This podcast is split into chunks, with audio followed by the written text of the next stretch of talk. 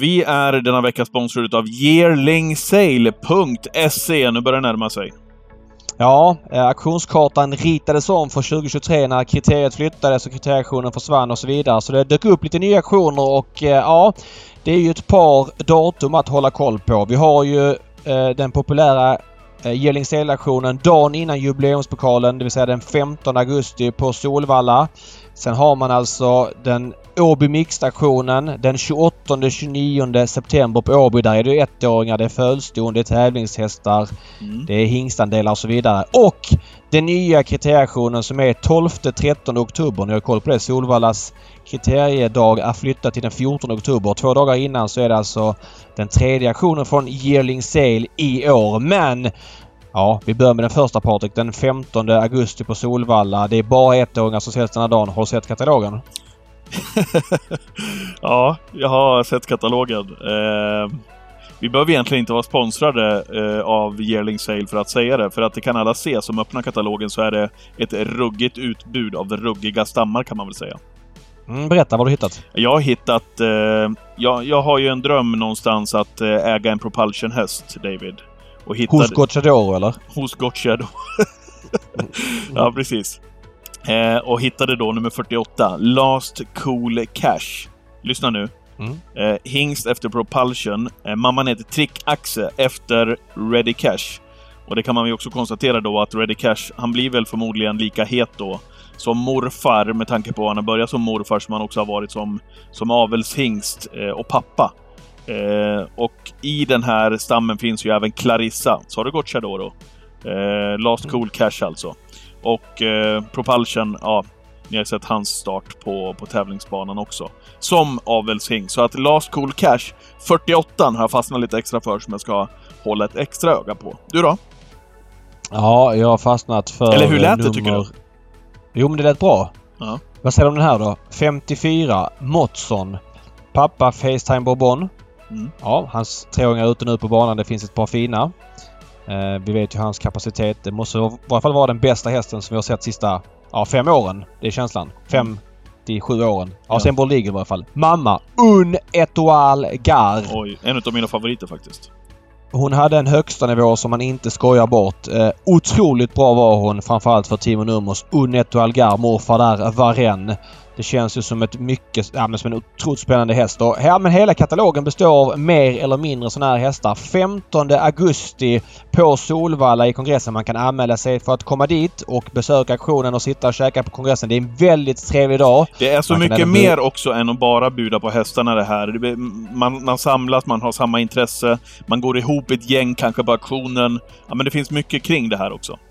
Ja men så är det. Och man kan buda hemifrån och, och allt sånt där också. Sen är det då de andra auktionerna. Där har ju inte katalogen kommit än alltså men det är ju datumen att hålla koll på är 28-29 september. Då är det mixauktionen på Åby och kriterieauktionen som är 12-13 oktober. Mer information kommer om dem senare. Men nu fokuserar vi på 15 augusti. Det är ju lagom efter semestern, Patrik. Ja, så är det. Vi laddar för det helt enkelt och tackar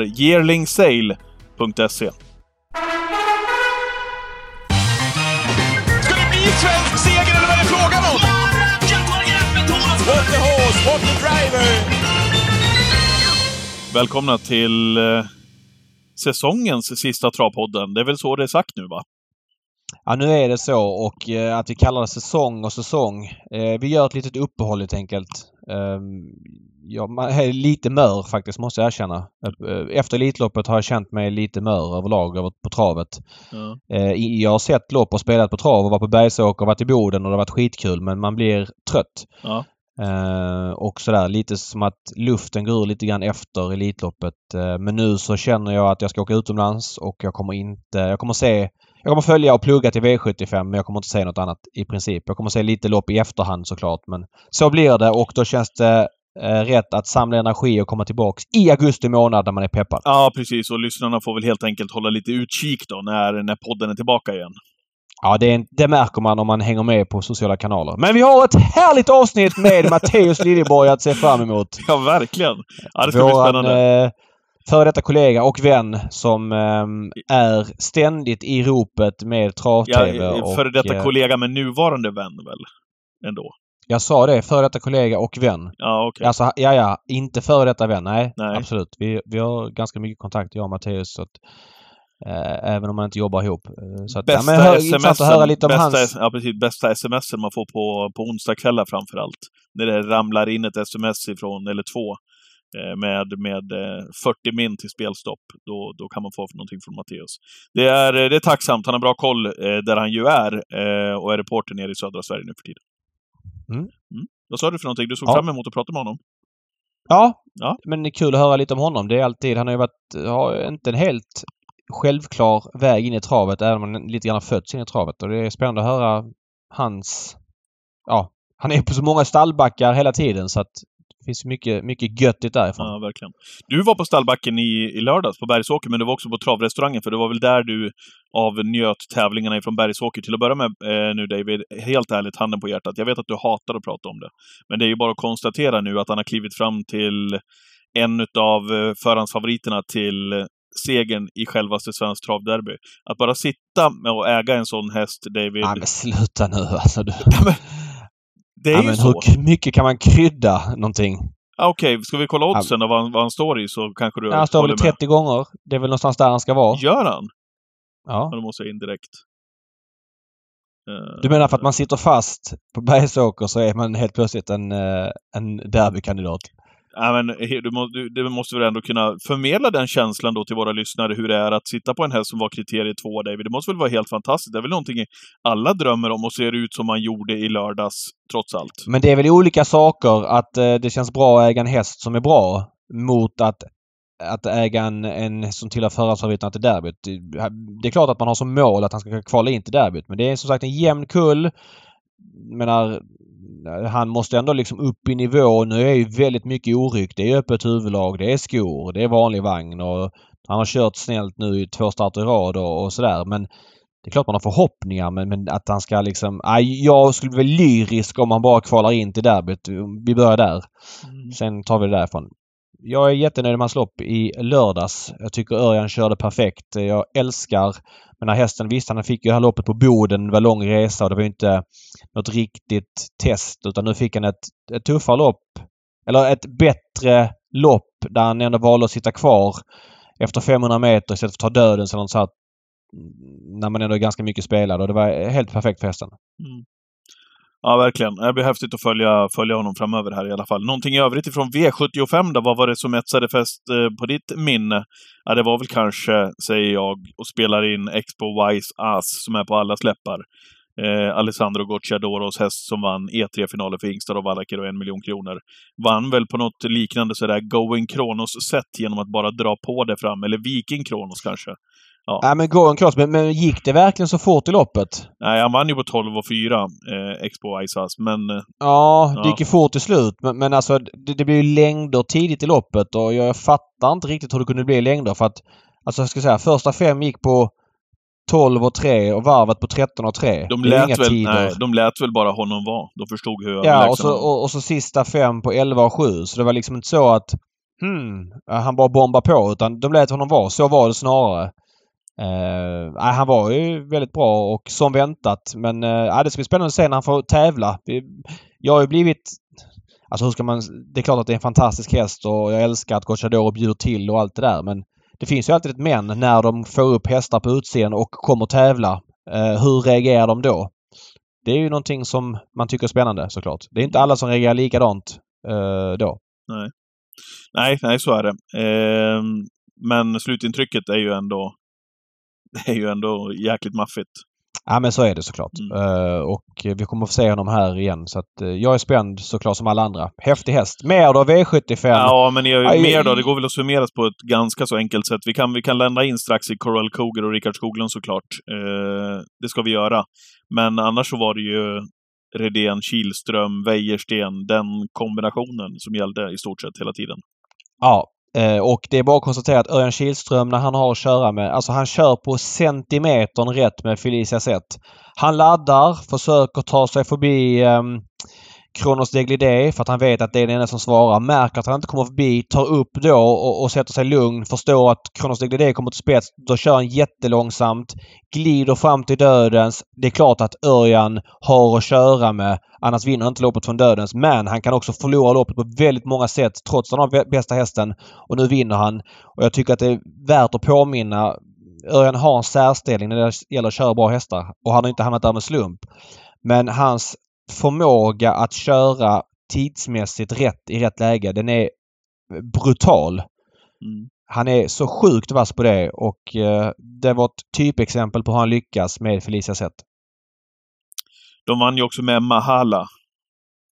Ja. Eh, också där lite samma sak. Han kör fram i dödens.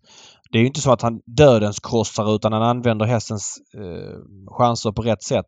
Det loppet tyckte jag blev lite billigt måste jag säga. Mm. Det var jättemånga som satt fast där bakom. Vann på ganska beskedliga 14-1 i diamantstorfinal.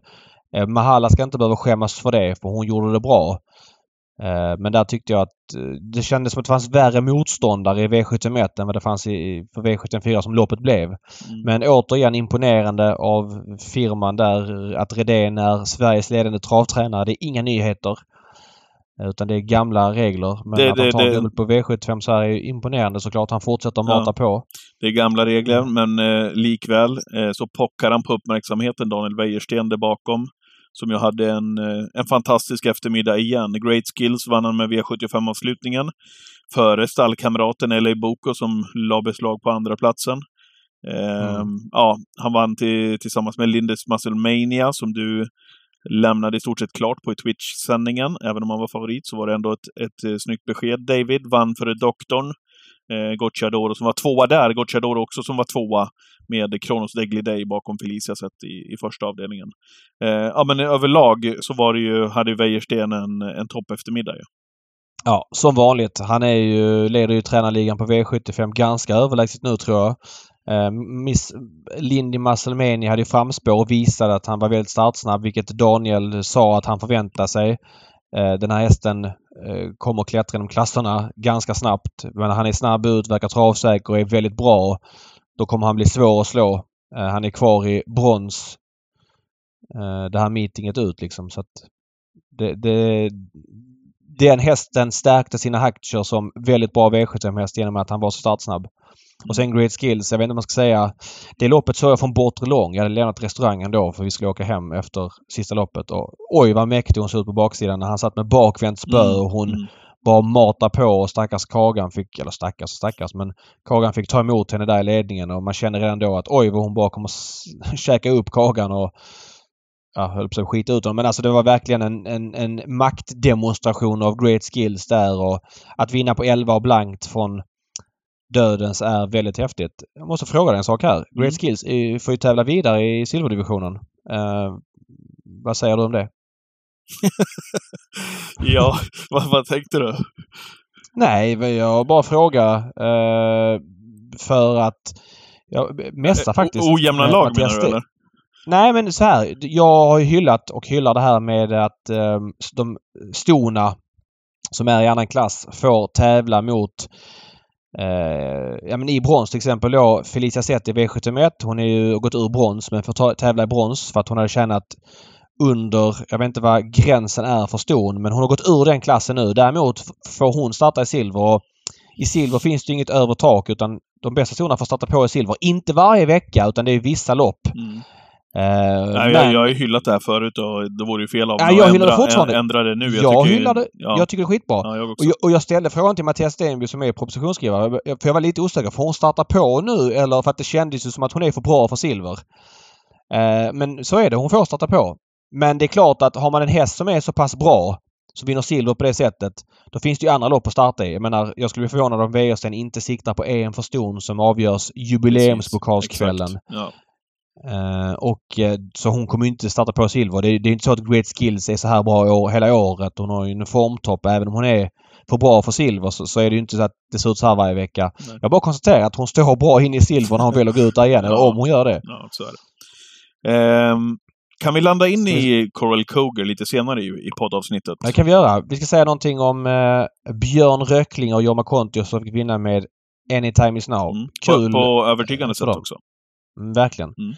Eh, kul för dem. Det var ju eh, Pole Position som jag gillar. Gjorde det bra från, från dödens. Återigen, där tycker jag också körde på läppen rätt men hästen räckte helt, helt, helt enkelt Nej. inte för att plocka ner Anytime is now. Hade du en göttig eftermiddag i Sundsvall Bergsåker? Hur, hur såg den ut för dig? Ja men eh, vi körde upp ju på morgonen. Eh, det regnade på vägen upp väldigt mycket där runt Hudiksvall men det kom ju inget regn på travet vilket var förvånande sett till väderprognoserna. Mm. Uh, ja men det var trevligt att vara på Bergsåker. Det här är en väldigt svår dag. Vi, det pratas ju mycket om att... Det har varit lite snackis i travsverige nu. Tingsryd måste få en egen V75 lördag och sådär för att Tingsryd då drog mycket folk när man körde V86 i början av juni och det är ju huggsexa om... Det finns ju inte så många superheta lördagar vad gäller V75 i Sverige.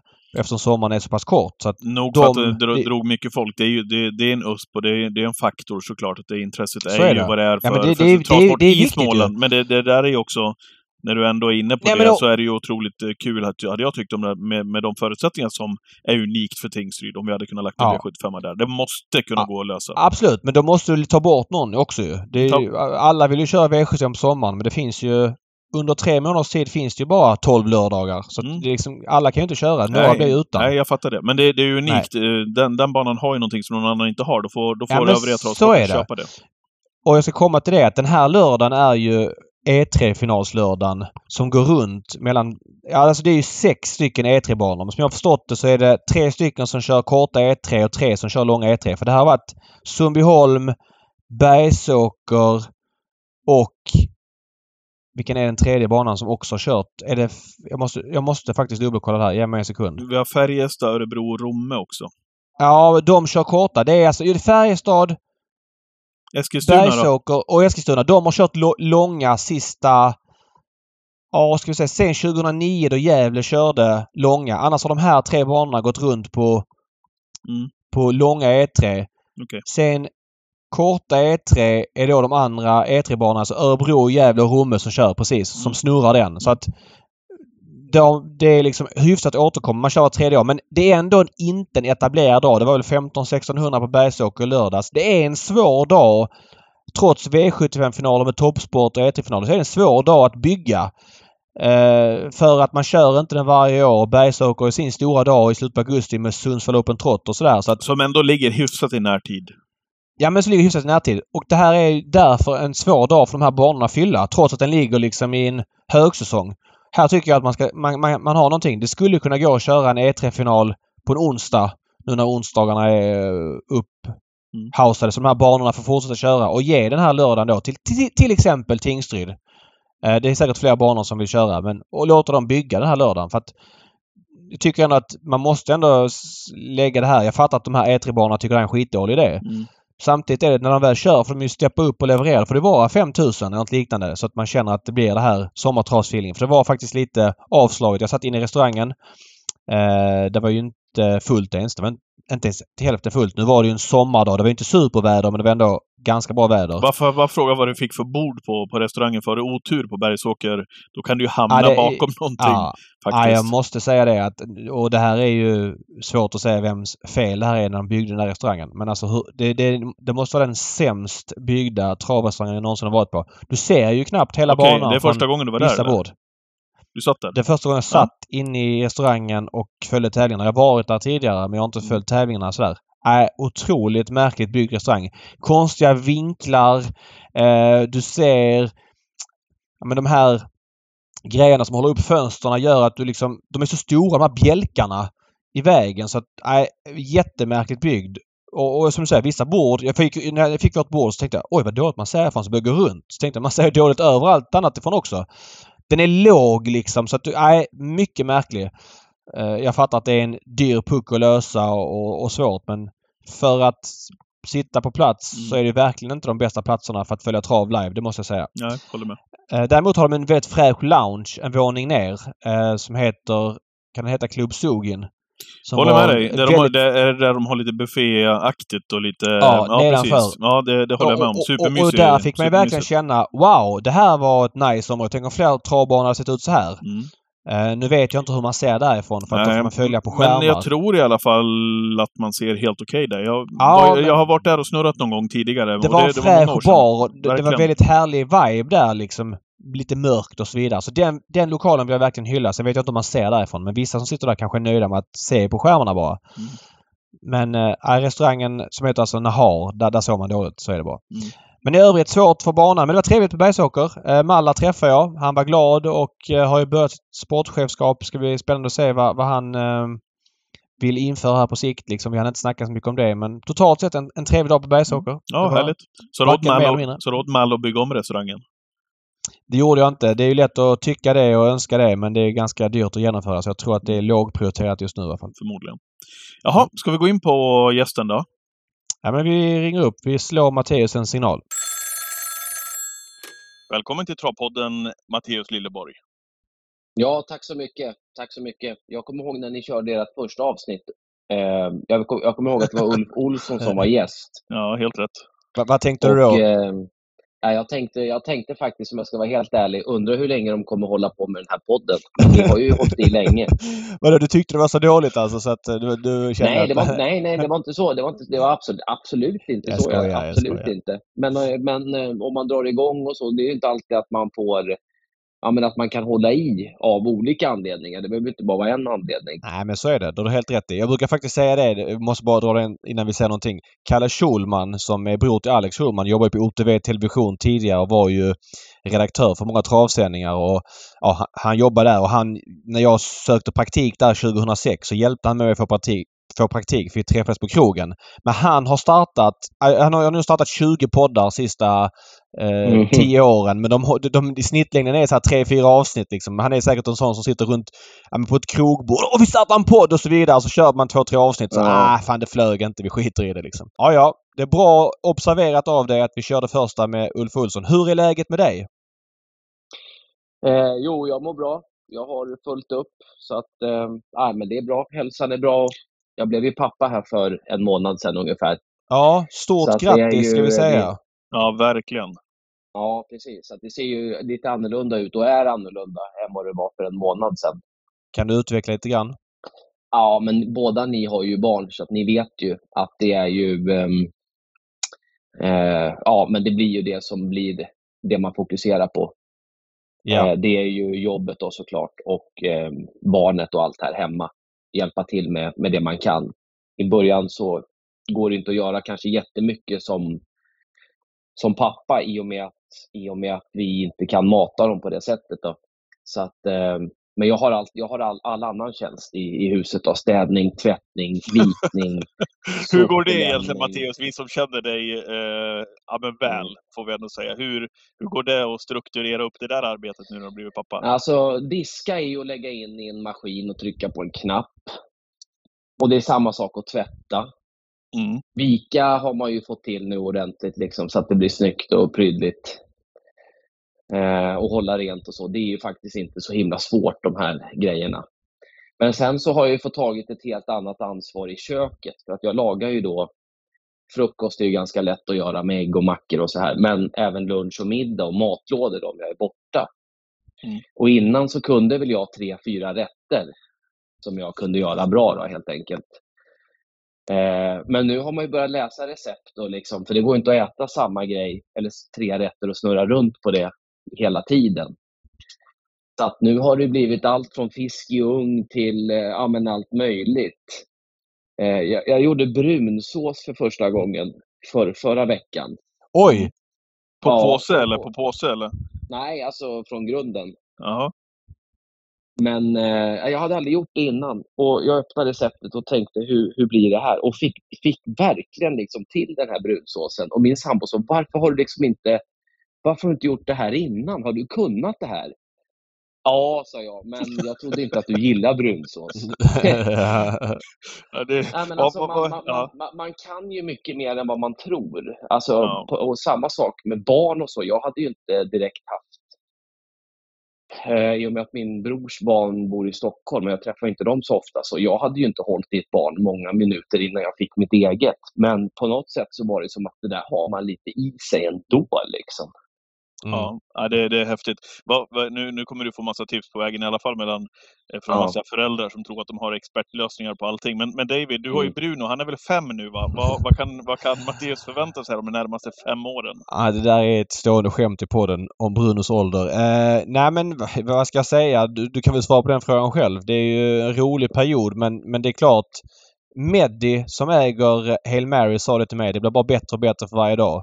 Och eh, det, är väl en ganska bra ja. sammanfattning. Eh, nu är det roligare än någonsin varje dag liksom och då är det ändå två år och tre mm. månader in. Så att eh, det, det, tycker jag är en ganska talande bild. Sen har ju alla tider har ju sin charm. Jag menar när de är sådär små då kan man bara lägga dem i, i sängen och sen så är det lugnt liksom. Utan sen så när de börjar krypa så är det ett moment som är spännande. Då får man vara med lite grann. Sen när de börjar gå så är det ett moment. Så att jag vet inte vad jag ska svara. Men jag, jag tycker... Jag skriver under på det att det blir bättre och bättre för varje dag. Det kan jag säga. Ja, verkligen. verkligen. Ja, ja. ja men det känner, det känner vi också faktiskt. Mm. Men, men eh, jag tänker nu, nu, nu har du blivit pappa Matteus. Du har ju flängt runt eh, som både jag och David har gjort genom eh, alla år. Ja, fast ändå mer, mer, mer än mig i varje fall. Det måste man ja, säga. Ja, ja, men jag tänkte säga det kanske mer än, mer, mer än de flesta eller mer än alla nästan.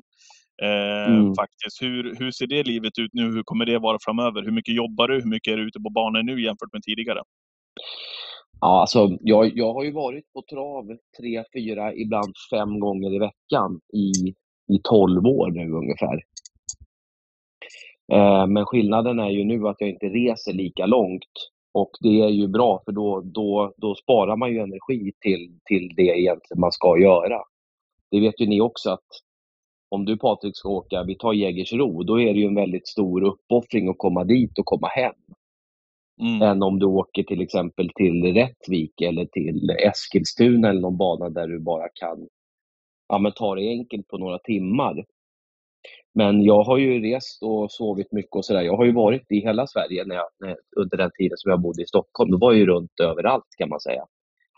Men jag märkte ju det ganska tidigt att eh, när man sover borta och sådär, det, det, det är inte riktigt min grej. Liksom. Det, det bästa med att resa, det är, egentligen, det är ju egentligen att komma hem, när man kommer hem. Det är ofta det som är liksom, grejen. Men, men eh, jag, jag, jobbar ju ungefär lika mycket, kanske inte riktigt lika då, men jag, jag reser betydligt kortare sträckor. Mm. Eh, kan vi bara backa bandet lite grann? Du är ju Stockholmspojke eller kanske Nynäshamn var från början, men eller Stockholm, eller vad är det? Ja, jag är född i Kista. Kista, okej. Okay. Ja. ja, min eh. mamma bor i Nynäshamn, men jag växte upp i, i eh, Akalla-Kista och bodde där i 22 år. Ja, och du har haft Solvalla som hemmabana, mm. men numera bor du alltså mm. i... Är det Halmstad nu eller är det Falkenberg? Ja, jag bor mellan Falkenberg och Halmstad. Falkenberg ligger ju, Falkenberg ligger ju mellan Halmstad och Varberg. Så att Falkenberg okay. ligger norr om Halmstad. Jag har, jag har 16-17 minuter in till, till banan i Halmstad. Okay. Och jag har bott här nere i, eh, ja det är snart 10 år. Ja. Hur kommer det ehm. sig och hur har du lyckats bli kvar? Ja, dels då så jag, jag kommer ihåg när jag var här nere och åkte ner till Sprintermästaren och så med mamma och pappa och vi var nere. Vi var, var, var mycket på västkusten när jag var liten. Och jag, jag kände alltid att jag trivdes väldigt bra här nere. Eh, framförallt med Halmstad. Jag visste alltid att jag, att jag trivdes här. Och sen var man ju nere här då mycket då när man var tonåring och sådär på Sprintermästaren och så. Eh, jag såg första Sprintermästaren, det minns jag. Det var när Jolly Rocket vann med Per Lennartsson. Då bara öste det ner. Då var det riktigt. Men det var, det var, det var första gången jag såg Sprintermästaren live. Jag, jag, jag gillade alltid Halmstad. Och sen då så eh, vad kan det vara, för många år sedan så träffade jag en tjej och så tog det slut och sen blev jag kvar här nere helt Exakt, för det, den tjejen du träffade var mm. bördig mm. från Halmstad va? Visst var det så? Eller bodde i närheten? Ja, faktiskt alltså i samma by som jag bor fortfarande då, i, i, i den här byn som heter Slöinge. Så att eh, jag blev kvar här nere och eh, ja, sen träffade jag en ny tjej och så, och så har vi varit ihop nu i, i eh, ja, snart fem år och sen nu har vi fått ett barn också. Men för att jag fick lite känslan, för vi har jobbat ihop och jag har haft, vi har känt varandra den här perioden, men jag mm. fick känslan av att du flyttade till Halmstad, bodde med din första tjej.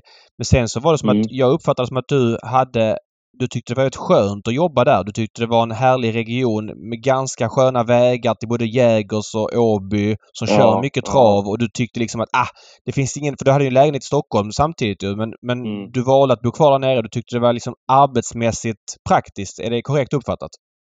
Ja, men så är det. Alltså jag har ju 50 minuter till Åby och, och 1.20 kanske till Jägersro. 1.40 om vi ska åka till Köpenhamn. Mm. Eh, så det är ju liksom tre banor som tävlar kontinuerligt hela året och mycket inom väldigt kort tid. Och där är, där är det liksom inga skogsvägar och man behöver se upp för grejer, och, utan det är liksom en rak motorväg. Mm. Och vill man åka tåg så kan man göra det och det går ju ännu fortare. Ja. Sen trivs jag alltså med de här banorna. Jag, jag, jag, jag tycker också att jag tycker att de aktiva bjuder till väldigt bra i södra Sverige. Kan och du... att det kanske är lite lägre, lite högre i, i tak om man säger. Kan du utveckla det lite grann? Du menar kanske att är det, är det för att du har lärt känna dem bättre? Att du känner att du får ut mer? Eller är det att du... Eller upplever du att kanske tränare, om vi säger Stockholmsregionen uppåt, kanske inte... För du har ju jobbat på alla banor ju, så du har ju att jämföra med. Inte har varit lika mm. bjussiga om man ska dra en liten generalisering. När jag bodde i Stockholm, då kunde jag öppna ett program och tro att alla 12 hästarna i det loppet var bra. Mm. När jag öppnar ett program här, då, då vet jag i stort sett vilka som är bra och vilka som inte är bra. Så, sen, sen vet inte jag om det har kommit med min utveckling och så vidare. Jag vet inte. Men, men jag tycker det är lättare att och på något sätt kanske jag, jag, tycker att för mig så är det lite, lite lättare, mer lätt, allt blev mycket mer lättarbetat på något sätt. Jag vet inte om, om ni förstår vad jag menar. Jo, men jag fattar. Jo, jo, absolut. Jag fattar absolut. Uh, och det... det är kanske att, uh, ja, jag tror ju att det är liksom också är att, um, ja, jag vet inte, men, men på något sätt så är, tycker jag att det är lite lättare uh, här nere. Uh, din pappa Magnus Lilleborg är ju travtränare och det är väl säkert genom honom du har lärt dig mycket och fått intresset och så vidare. Kan du berätta lite grann mm. hur du hamnade inom trav-tv? Ja, alltså, alltså pappa har ju hållit på, han, han hade ett samarbete med Stig H. Jag vet inte exakt i, i hur många år, men jag tror alltså i, i, i nästan 30 år när han hade massa unghästar, eller Stigos unghästar. Då, och körde in och höll på med dem där. Och Stigo var ju där och tränade dem samtidigt.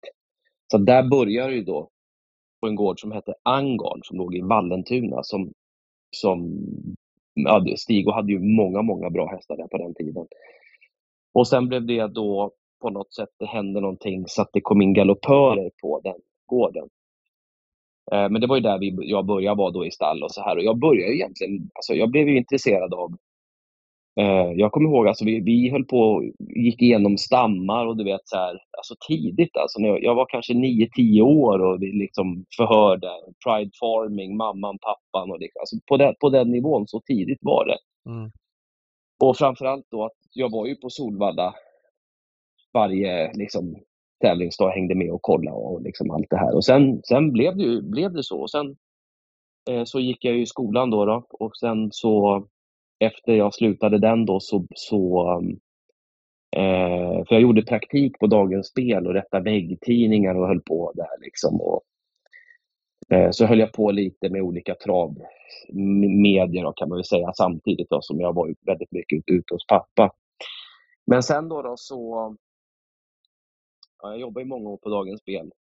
Men sen då så sa jag, jag sa upp mig från, från det här gamla jobbet då. då för jag, jag, jag, blev, jag, blev, jag blev dålig där ett tag. Fick ju lite problem med ångest och panik och alla sådana saker. Då, tyvärr. Som jag idag är glad att jag har gått igenom och kommit, kommit, kommit runt. Liksom. Eh, fick väl kanske en kris tidigt i livet. Då, då. Men så då, då stod jag verkligen på noll. Jag hade liksom inga var inte kvalificerad för att göra speciellt mycket, så kan man väl säga. Mm. Eh, så då började jag kolla då Hästsportens hus, det är inte så långt dit. Liksom. Men, men var, var, du, var, var, du inte på Travnet innan? Det var ju samma... Det, låg, det var samma sak. Jaha, okej, förlåt. Var det, var det, så var det. det var ju under samma tak. För jag kommer ihåg, bara, bara kort, du gjorde någonting med Travnet där. Det var så här hästskötarna fick 5000 kronor i något så här. Jag kommer ihåg att du gjorde intervjuer. Du och Ulf Katten mm. Nilsson, visst var det så? Ja, ja visst. Ja. Det här är ju alltså kanske runt 25, 26, 27. Ja. Eh, men det är jag, jag, ja. Av Dagens Spel och de gjorde ju ombuds-TV och det också. Precis. Gjorde inte du väldigt mycket intervjuer redan då, Matteus, på den tiden? Alltså med aktiva. Jag kommer ihåg att du var på Solvalla stallbacke mm. och vi undrade, ja, jag och Molle och Johan Edlund, när vi körde mm. direktspelet där och hade ja. kört igång ATG Live. Vem är det som springer mm. runt här och gör intervjuer för Dagens Spel? Men det var ju ofta du som var där, Matteus, redan då, på den tiden. Ja, ja, exakt, exakt, exakt. Men sen då, då, när man inte hade, jag hade ju inget jobb och jag visste ju inte var jag skulle ta vägen. Alltså det var ju, jag kollade ju alla möjliga grejer. Så första, första jobbet jag sökte egentligen på Hästsportens hus, då, det, det var som vaktmästare. Det var Mattias Stenby som tipsade om det, att det finns en tjänst ledig här som vaktmästare. Och jag tänkte väl att ja, ja, ja, jag, jag söker det och så, då kanske jag lär känna någon som känner någon, typ så. Men, men eh, kort, vad var du vill, vad var målbilden när du sökte vaktmästare? Jag fattar det var tillfälligt. Vad, när du sa känner ja. någon, vad ville du bli liksom? Vad var drömjobbet? Nej men alltså jag ville ju på något sätt komma in där jag är idag på kanal 75. Antingen skriva om trav eller fotografi. Alltså jag hade kunnat tänkt mig göra vad som helst. Mm. Eh, men sen då, då så, så, ja ja, men det var ju en kille som båda vi känner som heter, som heter Per Karlsson. Mm. Så han, sa, han började säga då att jag skulle skicka in eh, röstfiler och så här. Och jag gjorde ju det och det var ju väl inte speciellt bra. Men han, han sa ju då att jag skulle träna vidare på det här och så att jag höll på och satt hemma och spelade in på mobilen och höll på och eh, ändra tempo och höll på med allt möjligt. Där. Spola fram och tillbaka och prova liksom prata med grejer framför munnen och testa hur, hur saker och ting lät och sådär. Och sen då till slut så fick jag komma då, då på en sån här provspelning och eh, då hade jag ju fått då två veckors förberedelse på att träna till det här testet. Och jag lovar, jag satt alltså två veckor i sträck och bara tränade på det här. Så jag kunde ju exakt allt utan till. Jag, hade ju, jag visste ju att klarar inte jag det här, då... Då är du vaktmästare. Ja, ja, men ja. Alltså, eh, alltså då, då, då får jag ju göra något, ja, jag vet inte. Alltså ta någonting så att jag kan liksom, ja, betala hyran liksom. Men som tur var så, så så lyckades jag ju hyfsat där då så att jag kom igång lite. Men jag började ganska långsamt med en, ett eller två pass i början då, då i veckan eller varannan vecka och sådär. Men sen, ja, alltså jag har ju på något sätt alltid liksom vetat ungefär vart jag ska, men inte riktigt åt vilket håll eller vad jag ska göra. Men jag har ju vetat hästar och så har jag alltid liksom kunnat och varit intresserad av.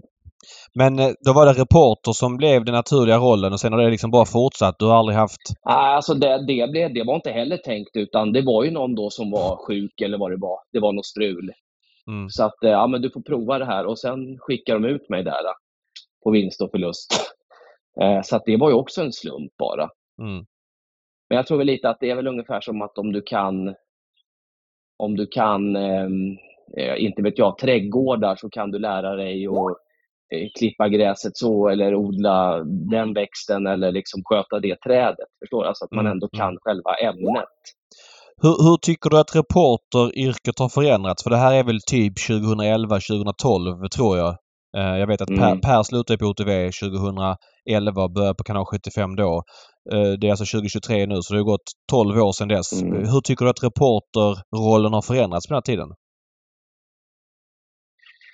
Uh, Ja, ja, jag kan faktiskt inte riktigt svara på det. Eh, hur det har förändrats. Alltså det är klart att om jag, får lägga, jag om jag får lägga i så här då. Patrik har varit mycket reporter också och en väldigt bra mm. sådan. Och jag, eh, jag, då när den, alltså när reporterrollen kom ju till när vi började sända live 2007. När vi gjorde eh, mm. eh, Tipslördag som det hette då. Där, där, där travet mm. sände live mitt i. Och då uppkom den här reporterrollen lite grann och, och då jobbade vi mycket, kom ihåg med Patrik, du vet det här efter provstartsintervjuer. Man lät tränarna göra en provstart och sen så fick man mm. några korta säg. Mm. Eh, och, och, det var mm. enorm livekänsla över det. Det där var ju någonting som vi mm. började med redan på direktspelets tid. Det ja. var ju när, när man fick lov att åka ut till travbanorna för att uppleva travsporten live så att säga. Om man inte ville ha tävlingarna i efterhand på TV så kunde man ju då åka ut till Romme Eh, för att se eh, tävlingarna ifrån Halmstad till exempel. Man var tvungen att åka till en travbana, det var ju så det gick till. Det var där man kunde spela direkt, därav direktspelets mm. namn och det var också så man kunde uppleva loppen live. Så jag kommer ihåg här på Romme och, och Rättvik i början så var det ju jättemycket folk, tro, äh, Romme framför allt, eh, som åkte ut då en onsdag för att sitta och titta på tävlingarna direkt ifrån Solvalla. Det var häftigt. Det var på den tiden också vi började med de här provstartsintervjuerna. Kommer ihåg mm. att Johan Edlund och eh, professorn Bengt-Erik Larsson var väl oftast de som var ankare i studion på den tiden. Och så var jag reporter och så var det antingen då Anders Ekberg och i de allra flesta fall tror jag nog att det var Jan-Olof Molle Molin som var värmningsexpert. Men då var jag reporter mm. på de dagarna i alla fall. Och då eh, var det ju ett gigantiskt körschema över de här timmarna som vi då skulle sända. Eh, mm. Helt otroligt så här egentligen i efterhand. Eh, men det var en ordentlig lunta och eh, när vi hade då våra genomgångar till, till sändningarna så, så bestämde vi redan eh, vid lunchtid vilka vi ville göra provstartsintervjuer med. Eh, för det var någonting vi gick runt då, jag, Johan Edlund och, och Molle och så styrde vi upp då till exempel med Stig och gick vi ner till Stig och stall, pratade med Stig och Ray och sa så här i, i var det V86 på den tiden? Nej, det var inte V64. Nej, V64. Ja. V64.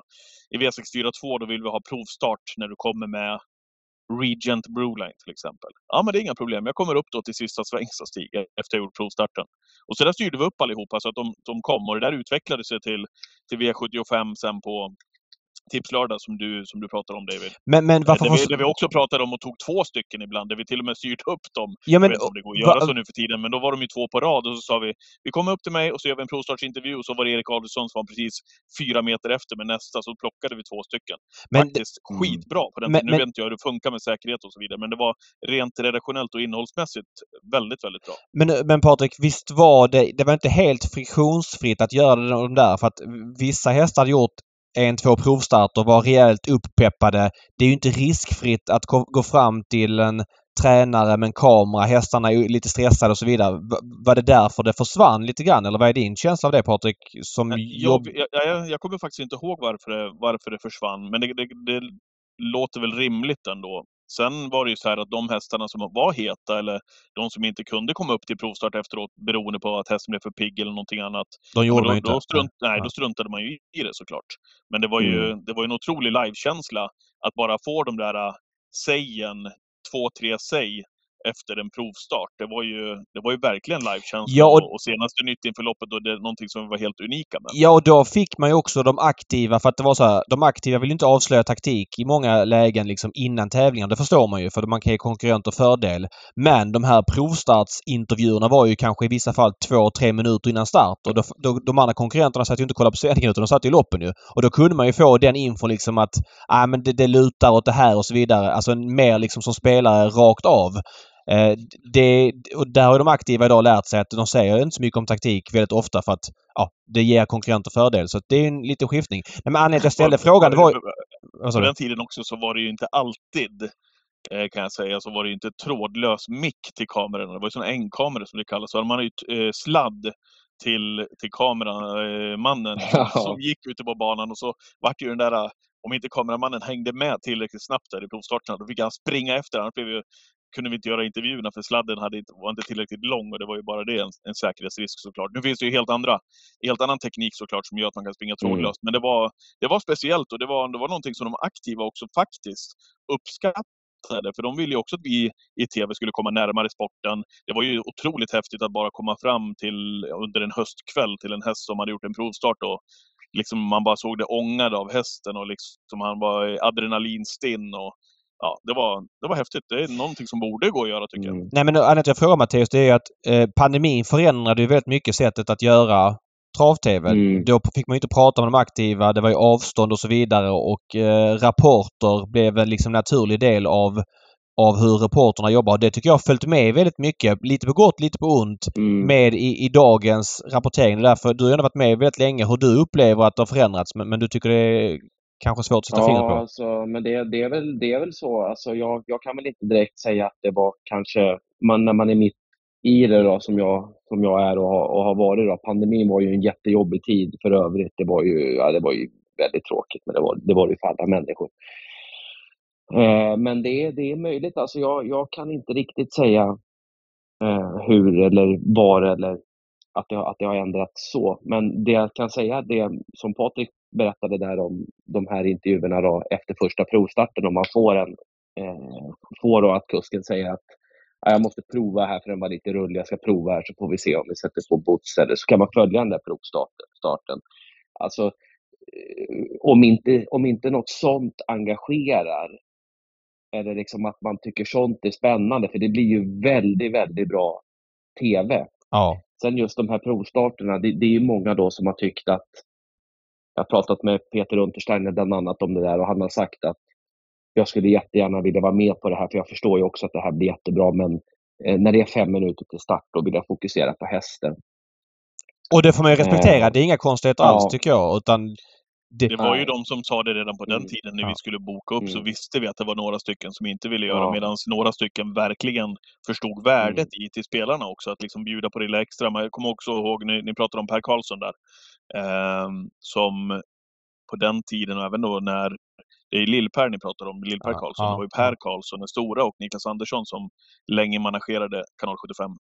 Och de var ju väldigt måna om att komma så nära sporten som möjligt. Man kollade på Patrik mm. Ekwall som satt på handbollsbänken på landslaget till exempel och, och hade senaste nytt därifrån och till och med satt nästan med dem på deras bänk under VM och mm. OS-turneringarna. Eh, det var ju någonstans dit man ville komma och hur nära kan vi komma? Och det är klart, det var ju, det var ju någonting som var väldigt speciellt. Jag kommer ihåg Lasse Granqvist hade en föreläsning för oss på kanal 75 eh, ett år där han faktiskt hade tagit upp då travproduktionens sätt att vara nära live. Eh, där mm. till exempel ishockeyn, fotbollen och många andra stora sporter hade att lära som han hade tagit upp med de produktionerna då. Att titta på trav-tv, hur nära man kan komma till exempel vid provstarter. Hjälmkamera var ju på den tiden också, kuskmickar. Mm. Det, var ju, det var ju allting för att närma sig sporten så mycket som möjligt. Men det, men det har kommit tillbaka. Ja. Jag vet att vi körde Magnus A. Djuse kuskmick förut på Elitloppet vilket var jättebra. Han gjorde det sjukt bra. Visst mm. var det så? Mm, Okej, okay. mm. men det, det, det är ju så. Det är, det är ju verkligen att komma nära. Det är det som är, det som är känslan. Men det som, det, som, det som är lite nyckeln här, det är ju hur mycket det här engagerar. Alltså det här engagerar ju mig när jag var sju, åtta, nio år och började titta och följa och spela in det här och veva de här repriserna fram och tillbaka. Och man vet ju hur, ja det är ju faktiskt jättemycket människor som följer trav och är man i något sammanhang någon gång så är det alltid någon som har någon morfar eller någon brorsa eller någon syster eller någonting som eh, har någon, koll, någon, någon form av eh, koll på travet. Och man ser ju också hur mycket folk spelar. Man ser ju också att tittarsiffrorna är väldigt bra. Så att, alltså, det är väl egentligen det som egentligen är grejen med att liksom, ja, men, det här jobbet, att man kan engagera folk i den här sporten och få folk att tycka att det här är, är kul. Och där är jag, jag är tacksam. Alltså, jag är väldigt liksom, stolt över att jag kan vara med nu i vissa olika sändningar. Och för de här sändningarna satte jag och veva, ja, som du berättade Patrik, när ni intervjuade kuskarna där innan start och även långt innan det och veva liksom fram och fram och tillbaka och blev liksom helt frälst i det här. Mm, mm. Matteus, du, du, som sagt var det 12 år du har hållit på nu. Hur ser du på framtiden? Du är nybliven förälder. Eh, ja. du, du, reser mindre. Va, va, vad tänker du dig framöver? Eh, har du, är det kul fortfarande? Lika kul? Eller vad känner du? Alltså jag tycker egentligen att det här blir roligare och roligare. För innan de första åren kunde man ju liksom kanske inte riktigt njuta och ta in allting på samma sätt. Utan det tycker jag att man kan när man har blivit när man har hållit på med det lite längre kanske man kan ja, men dels få lära sig av tidigare misstag men även framförallt vara lite mer i, i, i stunden och i nuet liksom, på något sätt. Mm. Eh, men sen alltså jag har ju respekt. Jag, jag, jag vet ju att jag är inte odödlig på något sätt. Liksom. Eh, så att eh, jag tycker att det är jättekul och jag, jag är väldigt tacksam och glad över att jag, att jag får hålla på med det här. Så att jag, jag, Nej, men jag, jag hoppas att kunna köra ett tag, tag till, men som sagt, jag har full respekt för att jag inte är odödlig på något sätt. Nej, men du, du ses ju som... Du är väl 88 va? Du ses ju som väldigt mm. ung fortfarande, tycker jag i alla fall. Att, ja, eh, precis. Jag blir 35 i, i, i höst. Hur var den där storyn med körkortet? Du tog ju körkort till slut eh, efter att ha fått mm. skjuts i många år. Men vad hände sen? Ja. Eh, nej, då, då har man ju... Ja, ja precis. Jag, jag eh, tog ju det då eh, gjorde jag ju då. Då satt jag ju dag och natt med det där provet. Tog, eller liksom i teorin och körde och höll på. Dubbellektioner och jag åt liksom och höll på med det där. Men sen så tog jag ju körkortet då, men sen har man ju det på prövotid. Så att jag körde ju en, en viss hastighet över då begränsningen och då normalt sett hade man ju fått en, en, en böteslapp då, eller man hade fått då, men eftersom, eftersom att jag hade det på prövotid då, så fick jag ju då det indraget eller att jag var tvungen att ta om allting. Och eh, dit har jag faktiskt inte kommit än. Det, det, är helt otroligt att du jobbar som reporter på Trav-TV, har resor en stor del av ditt liv men du har just nu mm. inte körkort. Nej. Men, det, det underlättar det, också nu när du fått barn Mattias, och du har bil där. Om du, du lägger ner ja, dig en gång till här, det, det kommer underlätta i, ja, i det vardagliga. Ja, ja precis. Men det, det, det är kraftigt på gång nu faktiskt. Och jag, jag, nu, nu måste jag ju liksom ta tag i det. Men alltså du måste ju vara mästare på logistik. Jag menar man har ju hört 150 mm. stories om när du står vid någon mack, eh, har åkt till fel mack eh, eller någon annan missuppfattar. Alltså du, du måste ha en en handfull travaktiva med bas mellan Halmstad och Falkenberg som du åker mycket med på mm. trav. Ja, framförallt så har jag åkt mycket med Eskil eftersom att vi åker på samma banor och Lennart Forsgren, vi har ju åkt ja. mycket ihop. Ja. Eh, så det är mest, mestadels de som jag, som jag åker med. Ja, fattar. Och det underlättar ju såklart, annars hade du inte gått att inte ha körkort i den rollen såklart. Nej, då hade, då hade, det, är, det är jobbigt då det här med tåg också, att man ska tajma tåg. Och sen framförallt ja. så vet man ju inte om de, om de kommer och är i tid. Sen kan det ju hända saker efter vägen också. Eh, men när man, just när man åker tåg eller flyg eller vad det är så är man ju alltid liksom beroende av att, av att de ska komma fram och komma i tid. Mm. Det är liksom en stressgrej. Liksom. Eh, Sprintermästarhelgen står för dörren på din nya hemmabana då får man säga Halmstad. Eh, vad betyder mm. Sprintermästaren för dig? Alltså jag har alltid gillat loppet. Jag har alltid gillat kvällen. Eh, jag har alltid gillat liksom inramningen och nu är det ju nu är det ju, alltså man gillar väl grejer där man, där man bor och liksom så, så att all, alla har väl sina tävlingsdagar och så. Men jag tycker att det är en härlig, ett härligt meeting som börjar på torsdagen och sen är det lite fritt på fredagen med Tylösand och med After Beach och liksom allting. Ja, man kan göra många grejer, spela golf eller paddel eller många gör ju olika saker.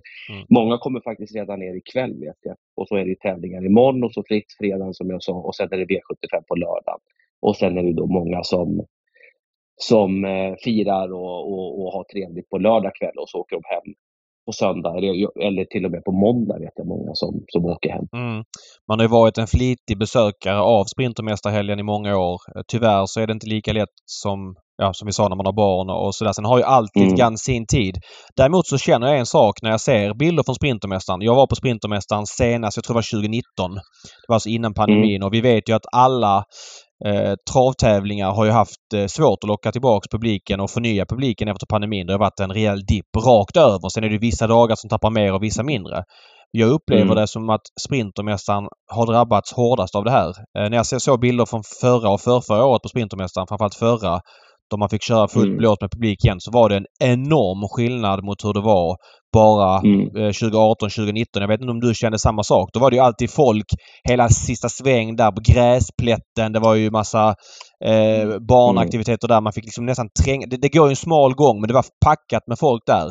Så var det inte alls ja. förra året. Jag kände att dagen kändes liksom... Ja men eh, de har haft tufft där i Halmstad. Mm. Vad är din bild du som hänger där nere och, och känner folk i organisationen? Ja, jag, jag, nämnde ju Johnny Rocket här tidigare. Det var 98. Då var jag här för första, eller så, var på Sprintermästaren för första gången. Och jag minns ju trots att det var sånt, alltså det var ju ett enormt regnande, så var det ju folk överallt. Sen kanske man upplevde det där att det var mer än vad det egentligen var när man var, när man var så ung. Jag var ju bara tio år då. Mm. Men eh, det, det kan nog vara så att, eh, för jag menar, det, det har ju tyvärr eh, blivit så att det kommer mindre folk på, på trav. Mm. Eh, Sen, du som jag, åker jag, mycket trav, vad är din eh, uppfattning om det? Du som känner folk och hör folk och, och är verkligen liksom örat mot rälsen i travet. Vad är din känsla av varför mm. folk åker mindre? Ja, dels så kan ju folk följa det framför TVn och följa det framför datorn. Och jag, vet, jag känner många hästägare som tycker att det är så himla kul att sitta framför TVn och liksom, vad säger de om min häst? Och kommer jag få se min häst värma upp här? Och Eh, vad har de skrivit om min häst i, i tidningarna och så vidare. Mm. Men alltså, säg då, jag känner en, en, en man nu som heter Ingmar som kommer förbi mig imorgon. Eh, han har ju jobb och så har han barn och så har han barnbarn. Eh, han har nog inte liksom riktigt den tiden att, att åka på trav som han gjorde för två mm. dagar i veckan, Jägersro och Halmstad. Utan, eh, sen kanske inte det liksom är, är grejen, men, men samhället kanske kräver mer tid av en människa idag än vad samhället krävde eh, i mitten på 80-talet. Liksom. Alltså det, man, man, man har kanske mer saker att göra idag på något sätt. Jag vet inte. Jag tänker framförallt kontra tiden innan pandemin. Alltså det har ju mm. varit en stadig nedgång i, i många år. Det har vi snackat mm. mycket om i den här podden. Men jag tänker kanske på fem år mm. har det hänt ganska mycket är känslan tycker jag. Ja, alltså det är ju sjunkande siffror. Mm. Så, tyvärr så är det ju alltså. Eh, ska vi prata lite Sprintermästaren årets upplaga? Eh, vad, vad, har du för favorit, vad har du för favorit genom tiderna? Favoritvinnare, eh, Matteus? Vilken, vilken har etsat sig fast mest på minnet hos dig? Ja, alltså Jolly Rocket uppenbarligen då, ja. eftersom man har nämnt den två ja. gånger. ja, exakt. Ja, den, kommer jag, den, den glömmer jag ju faktiskt inte alls. 98. Det är lite samma som jag har med Regent Broline 96. Också spöregn för övrigt. När Stig och Johansson mm. var med Regent Broline ja, före ja, Sissela ja. Ås, tror jag. Mm. Mm. Jag minns ju den också, Anke Lasse 2016. Det var ju häftigt. Ja, det minns Patrik också. Där gjorde ju du ett väldigt bra referat, eh, Patrik. Ja, tack. Nej, men det, är mitt, det är det starkaste minnet, den starkaste vinnaren som har etsat sig fast. Om någon frågar Sprintermästaren, mm. då svarar jag gärna Anke Lasse från 2016. För det är mm. 1.09,3 lubbarna. Det står sig väl än idag va David? Eller? Ja, ja, ja absolut. Ja, ja. Tveklöst. Uh, jag, eller tveklöst, men det gör det. Uh, jag får också nämna ett minne. Jag vill nämna, nämna Lavec Kronos som vann 2009. Inte för att han vann och, och sådär men det var vår första gruppresa till Sprintermästaren. Det var 30 grader hela helgen. Eh, mm. Det var sista året innan vi började bo på Tylösand. Det var, man får ju liksom, allting var så stort och det var en annan grej. Vi bodde inne i Halmstad och det var helt otroligt. Och, och mm. jag, jag minns den helgen som eh, enormt härlig. Eh, 2009. Även om jag varit på Sprintermässan innan så var det första gången jag åkte med kompisar liksom. Det tyckte mm. jag var. Så åkte man till Tylösand och festa och sådär. Ja, det, det, var väldigt häftigt. Och de åren där 9, 10, 11, 12, 13, 14, 15 eh, med Nuncio kanske. Det var häftiga år. Men där Live Kronos mm. sticker ut som första året. Men eh, just det du säger att man åker, man åker en grupp. Jag minns ju, vi åkte ju till Côte d'Azur där och, och um, Criterium de Vitesse. Så åkte vi tre år och då var det ju en resebyrå som ordnade det här, som ordnade travresor och så här. Och jag, jag kommer ihåg de här resorna liksom, som, som du säger, som, de, som om de vore liksom, som, som, som om de hade skett förra veckan. Ja. Så det kanske är någonting att man ordnar resor och att man ordnar, eh, liksom, man ordnar de här. Vi var ute på olika restauranger och åkte runt och tittade på grejer. Och liksom så. Eh, det kanske är en grej också för framtiden, att man inte bara liksom åker på banan utan att man, man kan få lite, lite annat också minns ju när, man, när jag var på Solvalla första gången 2002 på Elitloppet. Jag kommer aldrig glömma den känslan. Den är helt obeskrivlig när jag klev in där genom huvudentrén där nere. Gamla huvudentrén och fick se det här gigantiska bygget liksom. Så att det är ju såklart... Mm. Det är en annan fas i livet. Man är, jag var då 17 år. Det är klart att man minns det på ett annat sätt än vad man... Eller 16 till och med. Vad man minns dagens grejer. Så att sådana, sådana minnen äter sig fast. Vad säger ni om årets upplaga mm. då totalt sett? Det är ju ganska välfyllt va ändå? Mm. Vad, vad blir det? 8, 16, 23 hästar. Det känns ändå som 23 starka kandidater. Mm. Jag tycker väl kanske inte att vi har någon häst som, ja, det återstår ju att se, men eh, ja, jag har väl kanske ingen känsla att vi har någon Francesco Zet, Önas Prins, Don Fanucci Zet eller liksom Nuncio i startlistan. Så att den här riktiga stjärnan eh, kanske inte riktigt finns. Vi vet ju inte hur bra Santis Harvey är, det, det, det återstår ju att se. Men det kanske ändå är lite, om man ska se det krasst, lite ljumnare sportsligt eh, i år. Mm.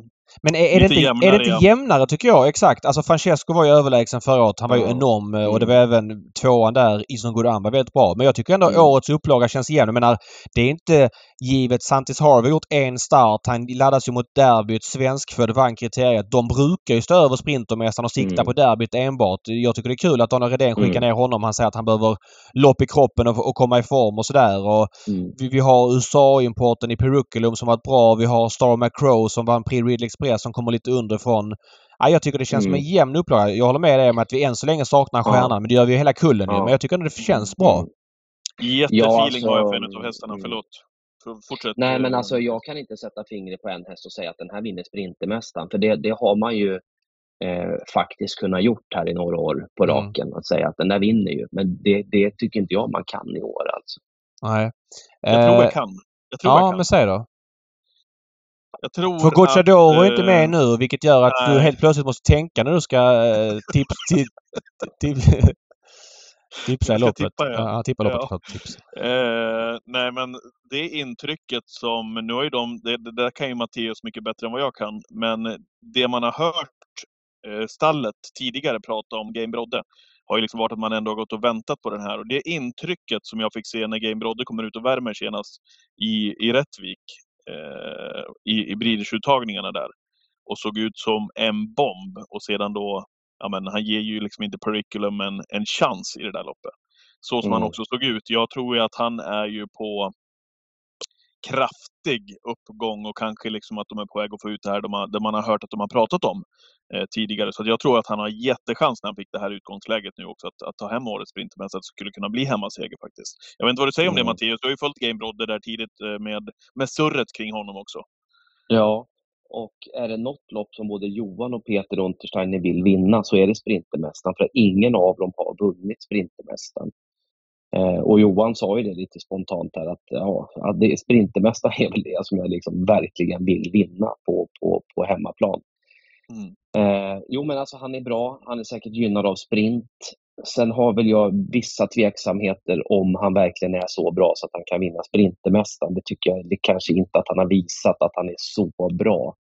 Jag tror nästan Johans andra häst är bättre. Den är med i V753. Global Dabay. Det tror jag är en starkare häst faktiskt. Jag tror, jag, jag tror den är bättre. Mm. Men ni får säga varsin häst då. Uh, vem tror ni har... Vem tror ni vinner helt enkelt? Inte bästa spelet utan vem tror ni vinner Sprintermästaren? Mm. Mm, men då står jag fast vid Game Brodde. Ja, jag, jag, jag, säger, jag säger Santis Harvey. Mm. Vad säger jag då? David? Jag trodde du skulle säga Hasse Rehn Patrik. Du har ju varit din derbyvinnare. Det, det bär ju mig emot men jag måste ju någonstans också liksom eh, ja, följa utvecklingen på de här. Det är, ja. det är som du säger, det, jag har ju lätt för att fastna där i Nej, nej, det har väl alla. Det har väl alla bara. Så det är inga konstigt. Det är bara så att du har gillat den länge. Men du, du kanske har tappat lite feeling för honom. Uh, det var ju derbyvinnaren förra året och han har varit väldigt bra. Men, men det är många växlar som ja, är dragna. Jag hade hoppats att han skulle komma ut, alltså liksom utvecklas kanske lite ytterligare mm. Men eh, ja, jag, jag, älskar hästen. Men eh, nu när Game Brodde fick det här läget och så som han såg ut senast så tror jag att det finns, det finns lite grann att plocka av. Och, och jag är inne på Matteus linje att den korta häcken är, är nog till hans fördel. Mm, då säger jag Peruculum. Mm. Jag tror att eh, han är inte anmäld till derbyt och det här är ju hans största mål för året, gissar jag nu, så jag bara drar till mig. Men det, det, borde väl vara med tanke på att han inte är anmäld till derbyt. Mm. Han har väl lite andra eh, lopp i höst kanske. Men, men jag säger Peruculum. Eh, nu, när, nu när inte Bengan är med. Ja, Bengan hade inte vunnit Sprintermästaren. Jag tror inte Bengan är så sprinterbetonad av sig som häst. Jag bör hamna mer i ett annat fack med honom. Eh, ska vi ta V7... Derbyfacket. Det så kallade derbyfacket. Ja, vi får se. Längre distans överlag.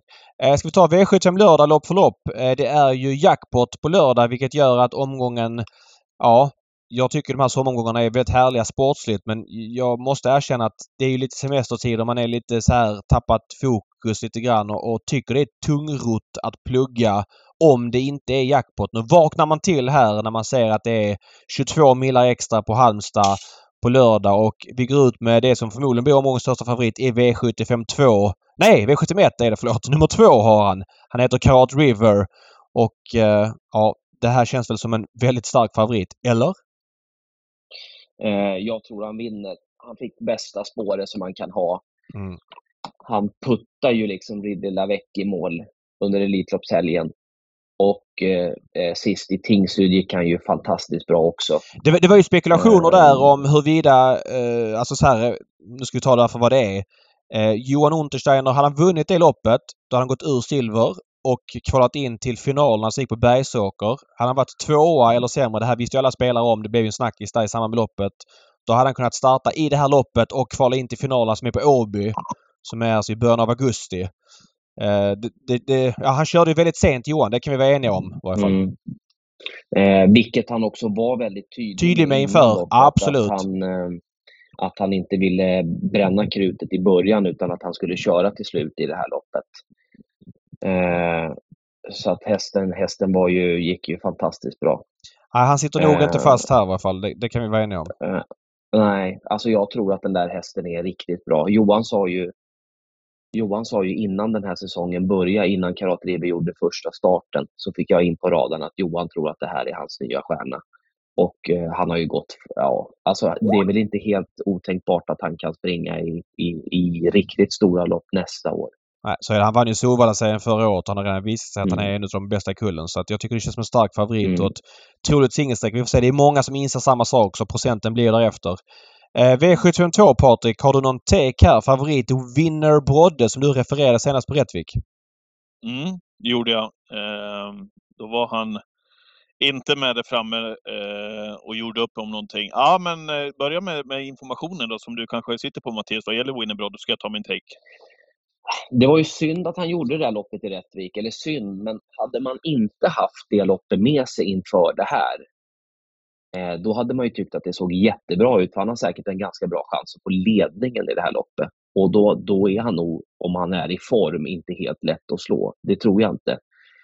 Men jag vet inte om man verkligen vill liksom gå helhjärtat på honom den här gången med tanke på att han inte var som bäst senast i Rättvik. Nej. Eh, jag tror att han är svår att slå om, om han är som bäst. Men, men det, det blir väl lite chansartat nu eh, på grund av loppet sist. Du vurmar ju ofta för Riordan-hästar. Du har bra kontakt med honom. Mm. Han har ju Dubio Ameletto här. Amletico, förlåt. Eh, ja. Har du hört något om den? Ja, jag tror, jag, jag håller honom i, i liksom, jag tycker hästarna 2, 4, 7 är bättre. 2, 4, 7, 10 tycker jag är bättre hästar än Dubbio Amletico. Ja. Dubbio Amletico, ja alltså, ha, ha, det är ju en helt okej okay häst, men jag tycker liksom inte att han har visat att han är, att han är så bra som de bästa i det här loppet. Nej jag gillar eh, farfars Dream. Jag tycker ju att den prestationen som han gjorde i comebacken var det väl på Örebro här mm. tidigare i mm. maj eh, var väldigt, väldigt bra. Eh, då blev det visserligen speedkörning och vilken slog han då? Redén-hästen där, David? Eh, pole position va? Ja, precis. Eh, och sedan så var han jättefin igen. Nu är det bike på. Jag tycker att han är eh, lite grann i fel klass faktiskt. Det är en, en häst som jag gillar skarpt. Så att han har ju hopp, hoppat lite för mycket för att det ska vara optimalt. Mm. Jag håller med om Farfar Stream. Jag tycker han är jättefin. Och det känns som att André har växlat upp en nivå till här eh, under mm. sista tiden. Um, mm. ja. Jag gillar honom i alla fall runt 14 eh, procent måste jag säga på hans kapacitet. Mm. V75 3. Där är 12 Smile Silvio favorit. Ja, jag kan, jag kan bara säga det att jag gillar ju inte när hästar kommer från en superprestation eh, över en månad sedan. Eh, och då, då, då, var det ju barfota och bike och de var väldigt uppåt inför den starten och så kommer de ut eh, över en månad senare. Det kan ha hänt grejer med formen. Han går upp i klass. Sämsta spåret. Det ska mycket till för att jag ska gå på den här favoriten. Nu gick ju på de senast, tyckte han var superspännande då. Spik på allt i, i streamen men, men nu till, till 35% plus från spår 12 så är det ingenting för mig. Matteus, vad, vad säger du här? Nej, alltså jag kan inte tänka mig att han vinner. Alltså jag skulle bli extremt förvånad om han vinner. Han har spår 12, sämsta spåret. Eh, han fick 220 000 kronor på ett bräde i den senaste starten. Ett lopp som han verkligen liksom hade laddat och siktat emot. Eh, han har gjort 12 starter i karriären och de hästarna som är så orutinerade, det brukar liksom inte gå att vinna bronsdivisionen. Eh, så att jag, jag kan inte tänka mig att han vinner loppet. Sen är han väldigt bra, men jag, jag, tror, jag tror inte han vinner. Nej. Nej. Vad har vi för take? Har vi någon vinnare? Manual Flight är nog inte helt ah, Han är struken. han har bara strukit honom ja. Har den blivit struken? Mm. Okej, okay, det var ja. ju synd. Mm. Eh, någon gång kommer ju Grappa Boy nummer nio att vinna. Mm. Så är det ju bara. Eh, det skulle kunna vara nu. Jag tror ju väldigt ofta på Grappaborg. Jag tycker att han är väldigt bra i grund och botten men får inte riktigt till det. Eh, han är ju ständigt Nej. underspelad. Han är lite ojämn mm. men, eh, men låg procent gör ju att han är tidig. Isor Sisu är en häst som kan väldigt mycket.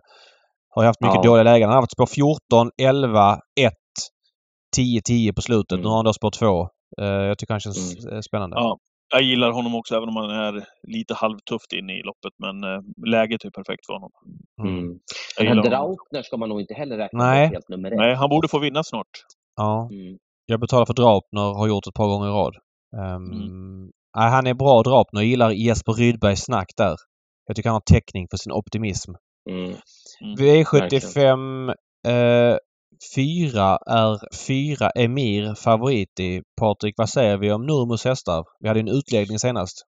Ja, precis. Nu är det barfota runt om på Emir, men eh, och så är han, eh, är Emir bra inne i loppet också, men jag tycker att det är lite för eh, det är lite för upp och ner och lite för ojämnt eh, ifrån det stallet överhuvudtaget. Så att det, är, det är ingen som jag kommer att, kommer att hålla i handen eh, faktiskt. Ettan, är döpt efter dig där Mattias, eller? Eh, ja, han är det. är det på riktigt? ja, ja. Okej. Okay. Ja. Jag är delägare också i honom. Jaha, ja, då, då var det såklart då. Ja. Det visste inte jag. Ja.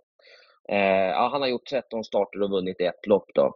Och ehm, eh, okej, okay. alltså det är ju ingen V75-vinnare normalt sett. Sen är han nog bättre än vad det har sett ut här i de två senaste starterna.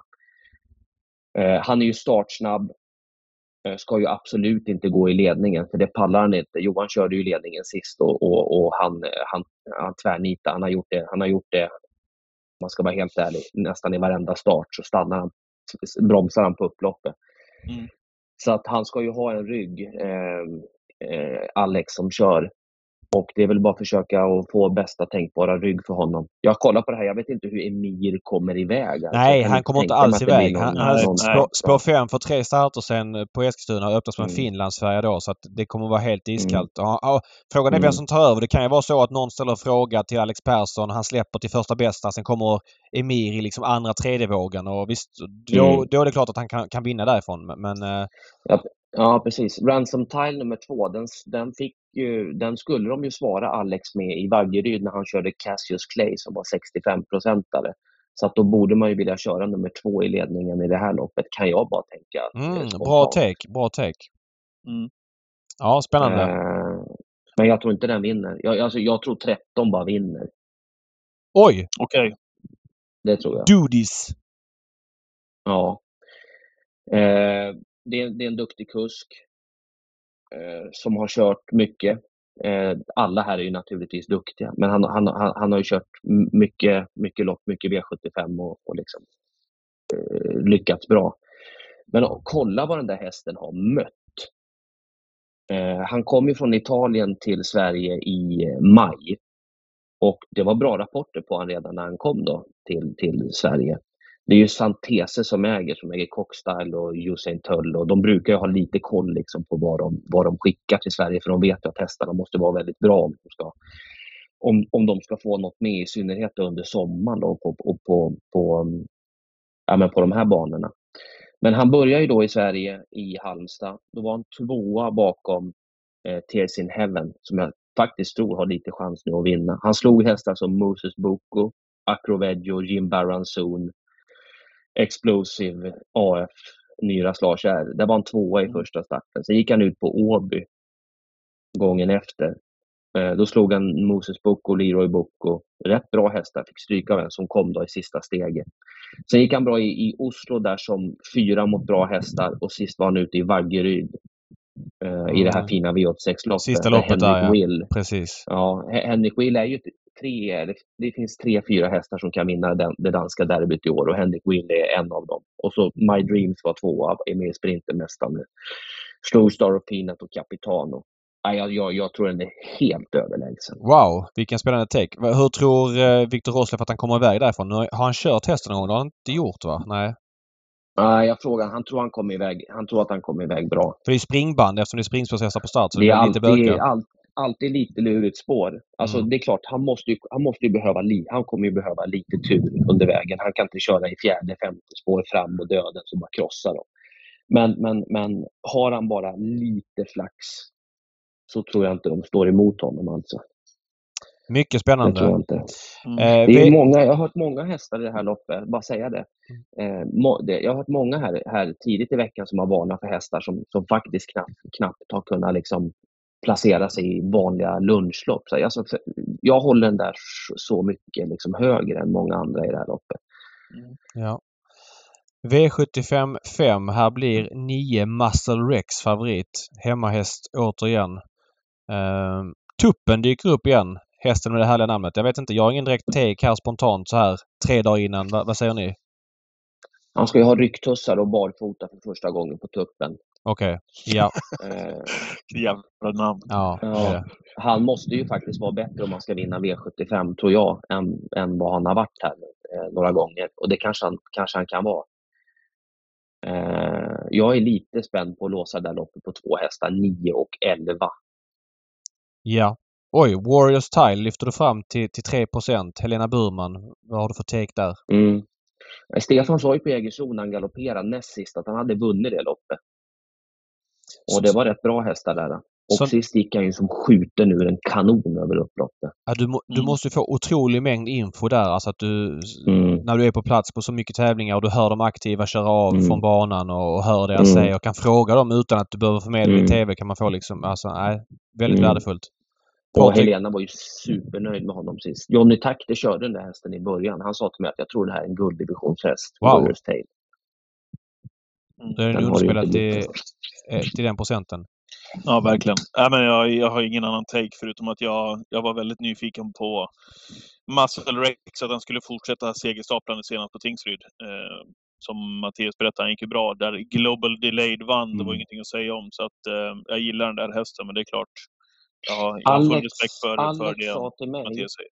Att, eh, Alex sa till mig att han, han, han gick med skor sist.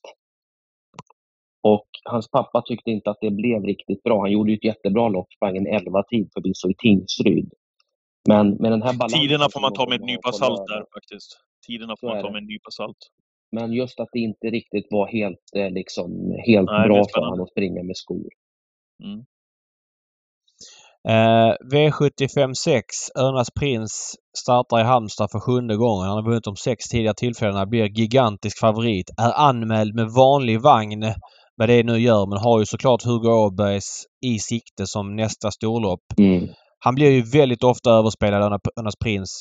Då säger vissa, men han vinner ju också. Jo, han, han gör det och eh, men han blir ändå, han, är, han har väldigt mycket anhängare eh, ute i travsverige så är det och till 48 från spår 8 så tycker jag att det känns mycket tveksamt måste jag säga. Det kan vara så att jag förstår där med mm. skägget i brevlådan att han vinner från dödens igen då får han göra det liksom. Uh, han ska ändå plocka ner bra hästar som kommer att sitta där framme. Vi har ju Ultion Fe som är snabb ut. Vi har ju Hellbent Fram som är snabba ut och det är inga lätta hästar att plocka ner från, från dödens, vilket han då mest troligt behöver göra. Uh, vad säger ni här? sa du att det var vanlig vagn också på Örnas, David? Ja, jag sa det. Precis. Mm. Ja, du sa det precis. Mm. Okej. Okay. Mm. Per Nordström är ju fantastisk i snacket. Han, han, han körde en favorit på Jägersro för två veckor sedan som hade spår 8 obesegrad. Ja, just det. Jag kommer, ja. backa, jag kommer backa ner och köra till slut. Det här är en favorit i fara. Alltså det, han är ju fantastisk i, i, i snacket för, för spelarna. Så att mitt eh, tips är att lyssna in honom. Jag har inte träffat honom och jag, jag har inte pratat med honom om, om hästen den här gången. Men mitt tips är att lyssna in vad Per säger. För gällande den här hästen har han ju Eh, hur många starter har han gjort? 44. Han har, ju, han har väl haft rätt med liksom 43 av gångerna. Mm. Eh, så att eh, lyssna in vad Han säger, säger i guiden, någon taktik vill jag inte binda mig vid på förhand här. Eh, utan vi får se hur det känns när, eh, när bilen släpper fältet. Med det sagt behöver hästen ha en rejäl genomkörning för Jägersro-loppet också, alltså Åbergs då. Mm. Eh, mm. Det blir barfota runt om. Eh, norskt huvudlag jänkarvagn. Dock anmäld vanlig vagn. Det får man hålla koll på i så fall. Ja, men han, han, mm. han känns överspelad till 50% Det säger jag rakt ut bara. Sen uh, kanske man inte vill köra i dödens liksom. Så han gick ju i dödens i Copenhagen. Ja. Eller var, ja. Nej, det gick han i ledningen. Han kanske liksom inte... Ja, det gjorde... Ja, men gick han, nej, han gick i dödens på, i Halmstad gången innan. Precis så var det. Så var det. Där var han jättebra. Bara krossa dem. Ja. Mm. Uh, V75 7. Eller vem, vem tror du vinner David och, och Mattias? Jag tror Aetos Kronos är den häst just nu som är mest underspelad. Jag trodde han skulle vinna i Oslo sist. Ja. Eh, nu har det gått en månad. Eh, jag tror han kommer vara bra faktiskt. Ja, jag tror att Ultion Face också är underspelat i 4 Frågan är mm. om man kan ta sig förbi Hellbents Fram det, det, det är nog mm. tufft med lite hästar däremellan. Men Adrian lär ju köra och skulle Hellbent fram mm. hålla upp ledningen då, då borde den ha en vettig chans. Samma sak med Ultion Face. Uh, men det är klart, när det är sådär, man ska dissa en favorit som spår 8, alla andra fattar det. Alla andra kör mot spets som galningar. 06 första fem, 9 på varvet. Han sitter tredje ut så är det bara swoosh! Mm. Uh, jag tror Hellbent fram, den tror jag Etos tar. Men sen är det ju frågan om det kommer någon bakifrån. Men den tror jag Etos tar ja. utvändigt, det tror jag. V757, här har jag en tydlig take. Jag kommer att betala mycket kan jag säga för 6 Nyans Lars R. Det har varit enorm i två starter. Alltså avslutningen senast. Alltså han är ute i fjärde, femte spår och, och springer dubbelt mm. så fort som övriga. Låt vara att det hade gått lite halvfort och sådär men han var riktigt rejäl den dagen.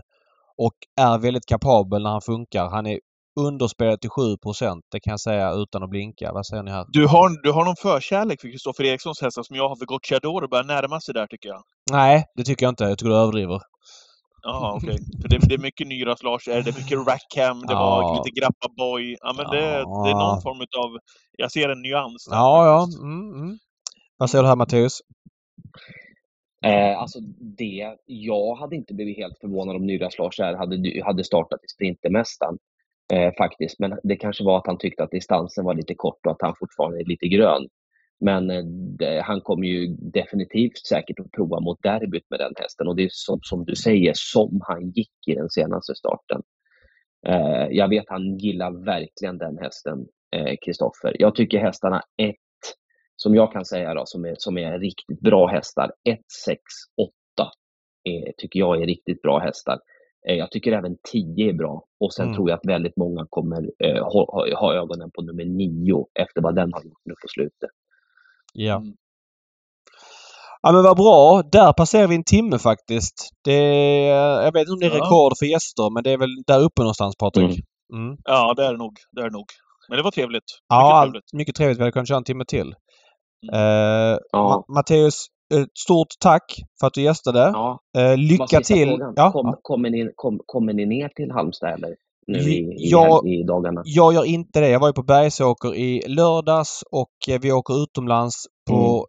söndag och eh, ja, men det, det går inte att prioritera en Halmstadresa. Min, min sambo är inte så travintresserad. Nej. Att få henne att åka till Halmstad då måste jag liksom pegga upp den med, med extra allt och sådär. Det hade kunnat gå men jag kommer inte mm. till Halmstad i år. Ja, du, var, utan... du var ju i Boden hörde jag också. Ja, Boden också. Så att eh, man har varit runt lite. Men det blir ingen Halmstad för mig. Tyvärr. Nej, det... inte för mig heller tyvärr. Det är, det är annan tid nu, eh, Matteus. Jag ska sitta i tornet ja. på, på Romme. Det är ponnytävlingar på lördag.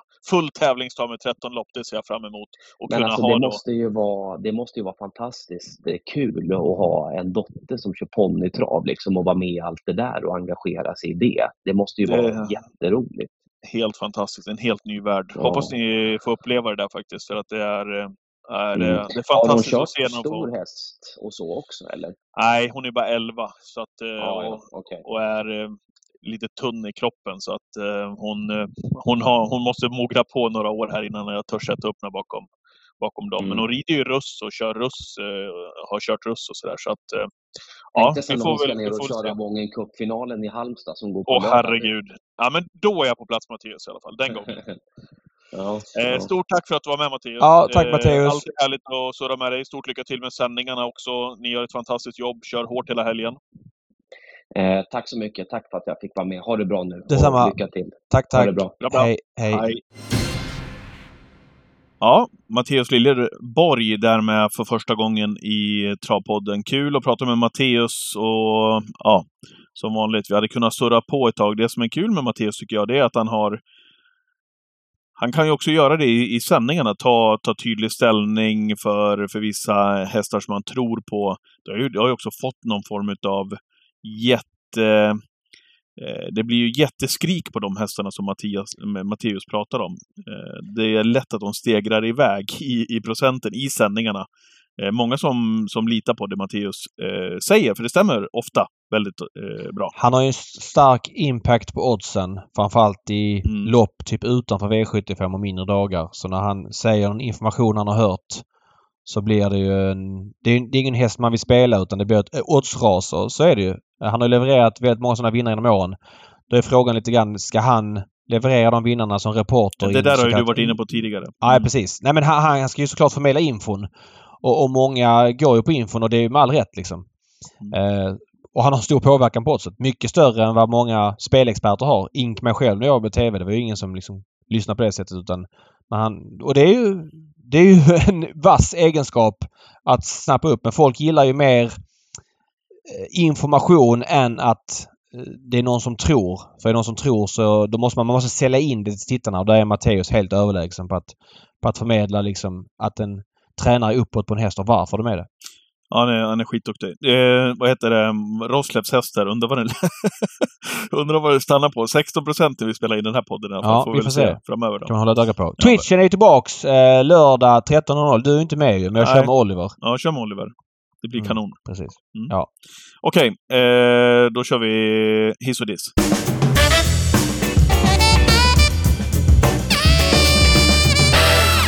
Mm. Varsågod, kör på. Jag dissar. Ja. ja, det är ju en grej som jag uppfattar som lite märkligt. Eh, det är ju att eh, vi har ju Alessandro Gocciadoro tävlar väldigt mycket i Sverige och han eh, uttalar sig på, sin, på sulkesport där Emil Persson som har gästat vår podd ganska mycket. Ja. Skriver ner och gör intervjuer med honom och där får man liksom hans info. Han snackar med Gocciadoro varje vecka. Det är superinfo Ändå... våra lyssnare får i podden när Emil är med. Ja men och man får det på Sulkesport eh, mm. väldigt ofta. Mm. Men det finns ett men i det här. Det är ju att det finns ju fler människor som uttalar sig för Alessandro Gocciadoro och eh, eh Kanal 75 använde sig av Juri Toria i fredags när man gjorde inför V75-programmet och jag älskar Juri Toria som person. Han, är, han har tränat världens absolut bästa travhäst genom tiderna, Varenne.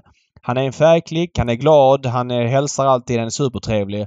Jag undrar, de som väljer att plocka in Joe som uttalar eh, sig för Gocciadors hästar, hör de inte vad han, vad han säger? Alltså, Joe är ju eh, det går lite på magkänsla och sådär. Det är inte liksom... Jag betvivlar inte att han har snackat med Gocciadoro men han har inte alls samma feeling att få till Gocciadoros tankar som Emil Persson har skriftligt på Sulkesport. Jag menar varför ringer man inte upp Emil Persson istället som kan uttala sig om Gocciadoros hästar? Det måste ju vara mycket mer värdefullt. Jag tycker att det blir väldigt höftigt när Juri uttalar sig och det blir lite egna åsikter och egna känslor och allt det där. Så att, Nej, för mig så tycker jag att man... Är inte det ett eh, dilemma, tänker jag, David, när du berättar om din diss här eh, överhuvudtaget, när man hör olika Eh, personal i olika stall uttala sig om samma hästar. Absolut. Eh, I den, bäst, inte, i den bästa av världar, absolut. Till exempel Cortini som är jäkligt duktiga på att uttrycka sig och berätta. Där kan det skilja en del tidigare också på det Lutfi sa, det Adrian sa och det Dante sa. Till exempel. Ja, men så är det. De hade så lite olika känsla att... kring hästarna och så förmedlade de det de tyckte. Och sen kunde det spreta ja. ganska så ordentligt om man läste i olika tidningar till exempel. Ja, men jag vet eh, Robert Berg har någon, vet hon, Helena som uttalar sig. Hon jobbar hos stallet och sådär. Och de, bara de, man är de, konsekventa. Vad jag säger är att de gör det inte med flit så. Att ska Nej, men bara man gör det konsekvent.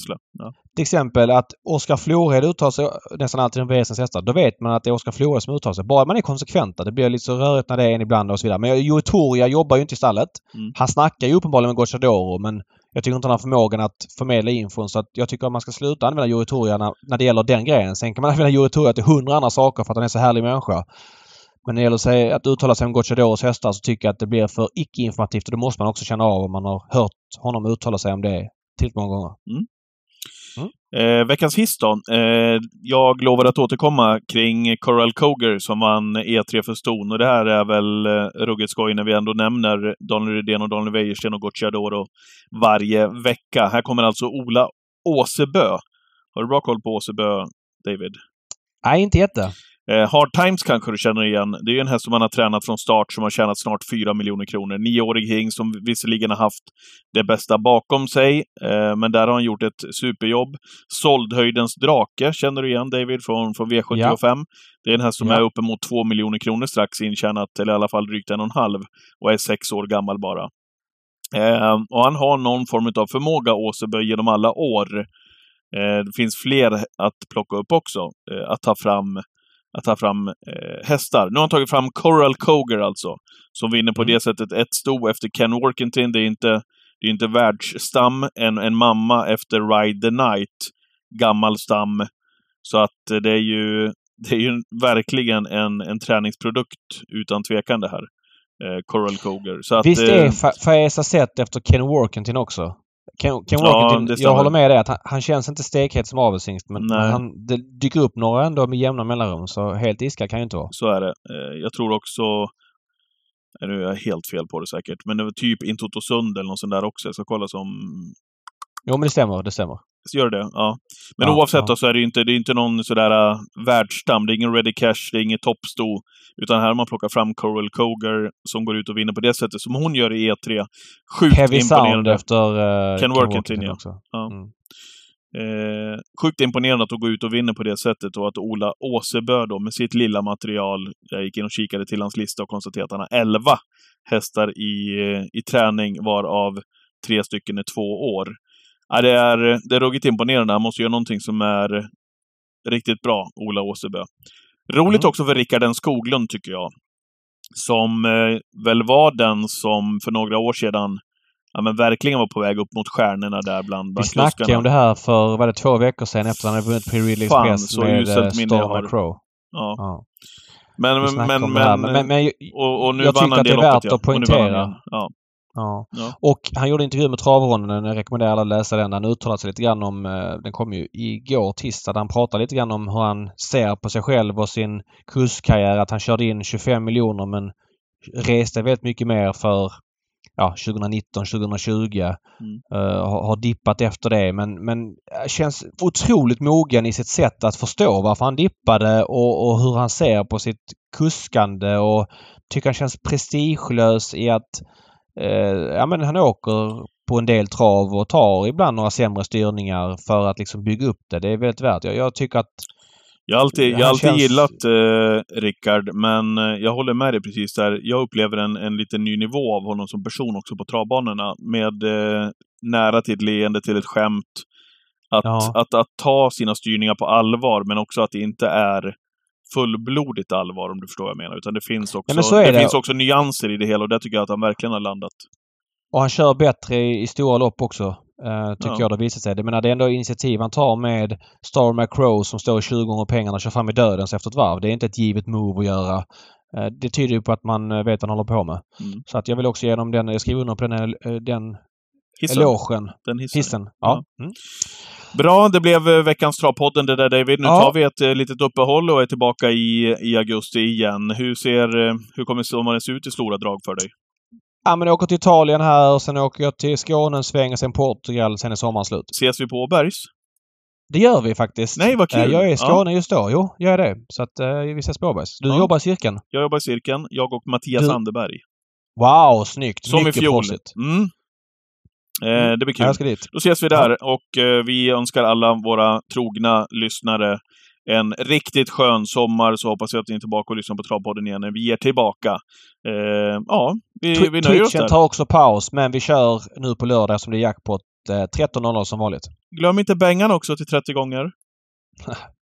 ja, vi får se. Trevlig sommar allihopa! Hej då! Connection. Hej, hej!